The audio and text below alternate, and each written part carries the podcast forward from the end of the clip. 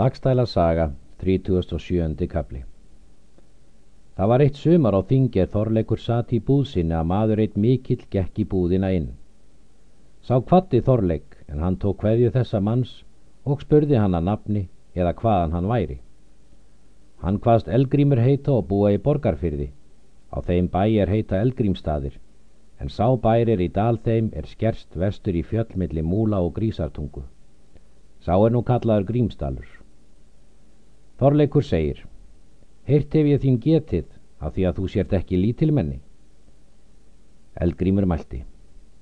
Það er erindi mitt hingað að ég vil kaupa þér stóðhrossin þau hinn dýru er kotkell gaf þér í fyrrasumar. Þorleikur svarar. Egi eru fölhrossin. Eldgrímur mælti. Ég býð þér jafnmörg stóðhross við og meðalauka nokkurn og munu margir mæla ég bjóði við tvennverð. Þorleikur mælti. Engi em ég mángsmaður því að þessi hross fær þú aldrei þóttu bjóðir við þrennverð. Elgrímur mælti. Egi mun það logið að þú munt vera stór og einráður. Mund ég það og vilja að þú hefðir óríflegra verðið en nú hef ég þér bóðið og letir þú hrossin eigi að síður. Þorleikur róðnaði mjög við þessu orð og mælti. Þurfa myndu eldgrímur að ganga nær ef þú skalt kúa mér hrossin. Eldgrímur mælti. Ólíklegt þykir þér það að þú muni verða hallokki fyrir mér, en þetta sumar mun ég fara að sjá hrossin, hvor okkar sem þá hlýtur þau að eiga þaðan í frá. Þorleikur segir. Ger sem þú heitir og bjóð mér engan liðsmun. Síðan skilja þeir talið.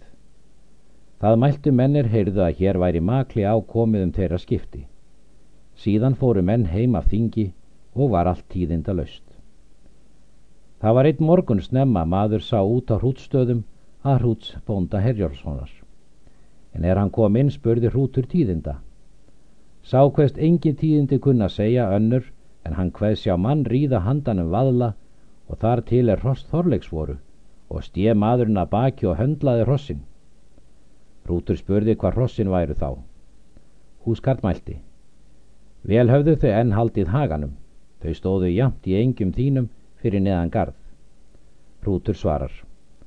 Það er satt að þorleikur frændir jafnan ómeskin um beitingar og enn þykir mér líkara í að sé að hans ráði hrossin rekin á brott. Síðan spratt hrútur upp í skirt og línbrókum og kastaði yfir sig grám feldi og hafði hendi brintröll gullrekið er Haraldur konungur gaf honum. Hann gekk út nokkur snúðugt og sá að maður reyða hrossum fyrir neðan garð. Rútur gekk í móti honum og sá að Eldgrímur rak hrossin. Rútur heilsaði honum. Eldgrímur tók hveðju hans og heldur seint. Rútur spurði hvert hann skildi reka hrossin. Eldgrímur svarar. Ekki skal þig því leina, en veit ég frænt sem er með ykkur þorleiki, en svo sem ég eftir hrossunum kominn að ég ætla honum þau aldrei síðan. Hef ég á það emt sem ég hétt honum á þingi að ég hef ekki með fjölmenni farið eftir hrossunum. Hrútur segir, engi er það frami þóttu takir hrossi í brott en þorleikur liggi í rekju sinn og sofi. Efnir þú það þá best er þið eruð ásáttir ef þú hittir hann áður þú rýður úr hér aðeins með hrossin.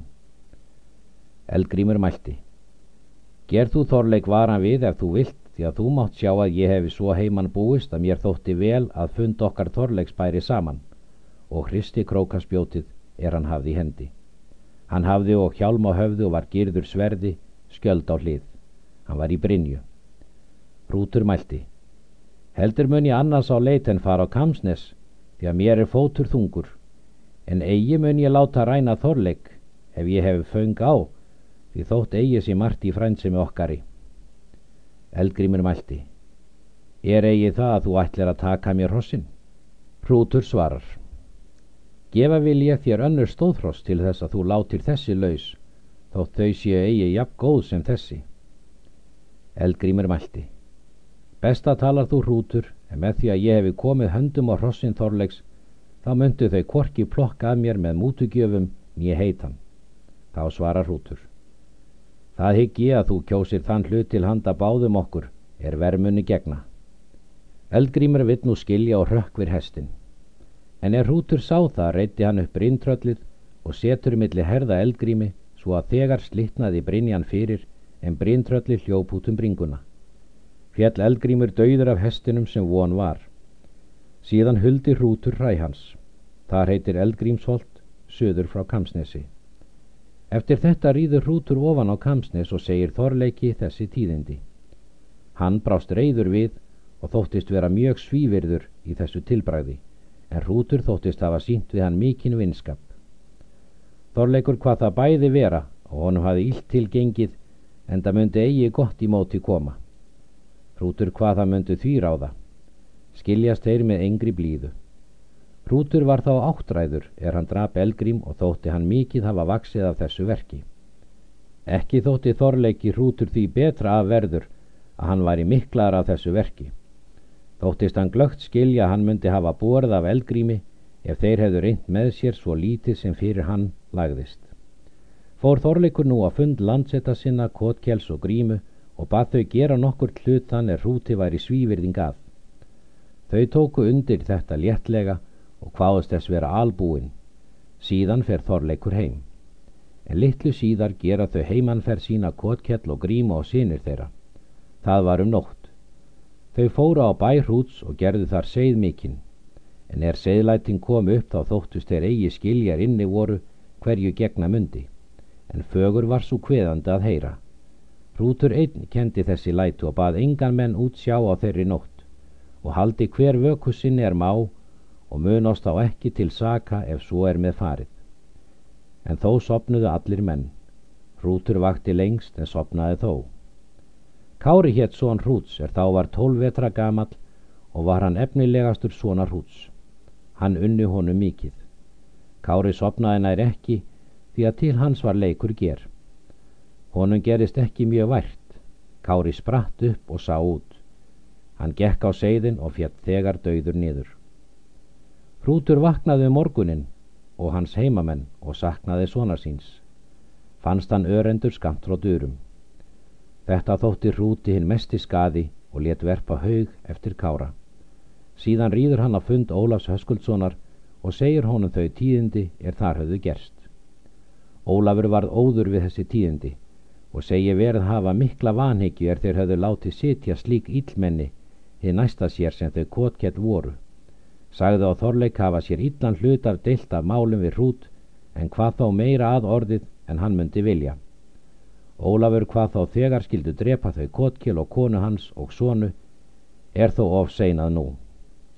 Þeir Ólafur og hrútur fara með 15 menn en er þau kotkett sjá mannareið að bæ sínum þá taka þau undan í fjall upp. Þar varð Hallbjörn slíkisteinsauða tekin og dregin belgur á höfuð honum. Þegar voru þá fengri menn til gæslu við hann, en sömur sóttu eftir þeim kotkalli og grímu og stígandi upp á fjallið. Þau kotkell og gríma urðu áhend á hálsinu millir Haukadals og Laxárdals. Voru þau þar barinn grjóti í hel og var þar gera þeim dísur grjóti og sér þess merki og heitir það skrattavarði. Stígandi tók undan söður af hálsinum til Haugadals og þar kvarfan þeim. Hrútur og sinur hans fóru til sjávar með Hallbjörn. Þeir settu fram skip og rýru frá landi með hann. Síðan tóku þeir belga höfðu honum en bundu stein við hálsin. Hallbjörn rak þá skiknur á landið og var augnalag hans ekki gott. Þá mælti Hallbjörn Ekki var oss það tíma dagur er við frændur komum á Kamsnes þetta til móts við Þorleik. Það mæl ég um, segir hann, að Þorleikur eigi þar fá skemmtanar daga híðan í frá og öllum verði þungbílt þeim sem í hans rúm setjast. Mjög þykir þetta atkvæði áhafa hrinið. Síðan drektu þeir honum og réru til lands. Littlu síðar fer hrútur á fund Ólafs frænda síns og segir honum að hann vill eigi hafa svo búið við Þorleik og bað hann fá sér menn til að sækja heim Þorleik. Ólafur svarar Þetta samir eiga þér frændur leggist hendur á. Hefur þetta tekist ógiftusamlega Þorleiki til handar. Vil ég ver heldur leita um sættir með ykkur. Hefur þú oft þín sluta beðið vel og lengi? Rútur segir Ekki er slíks að leita. Aldrei munum heilt með okkur gróa og það myndi ég vilja að eigi byggjum við báðir lengi í Laxárdal híðan í frá. Ólafur svarar Egi mun þér það verða hlýði samt að ganga framar á hendur þorleikin mitt leifir til en ef þú gerir það þá er eigi ólíklegt að mæti dalur hóli Hrútur þykist nú skilja fastmun fyrir vera, fer heim og líkar stór ítla, og er kyrt að kalla, og sitja mennum kyrt þau misseri.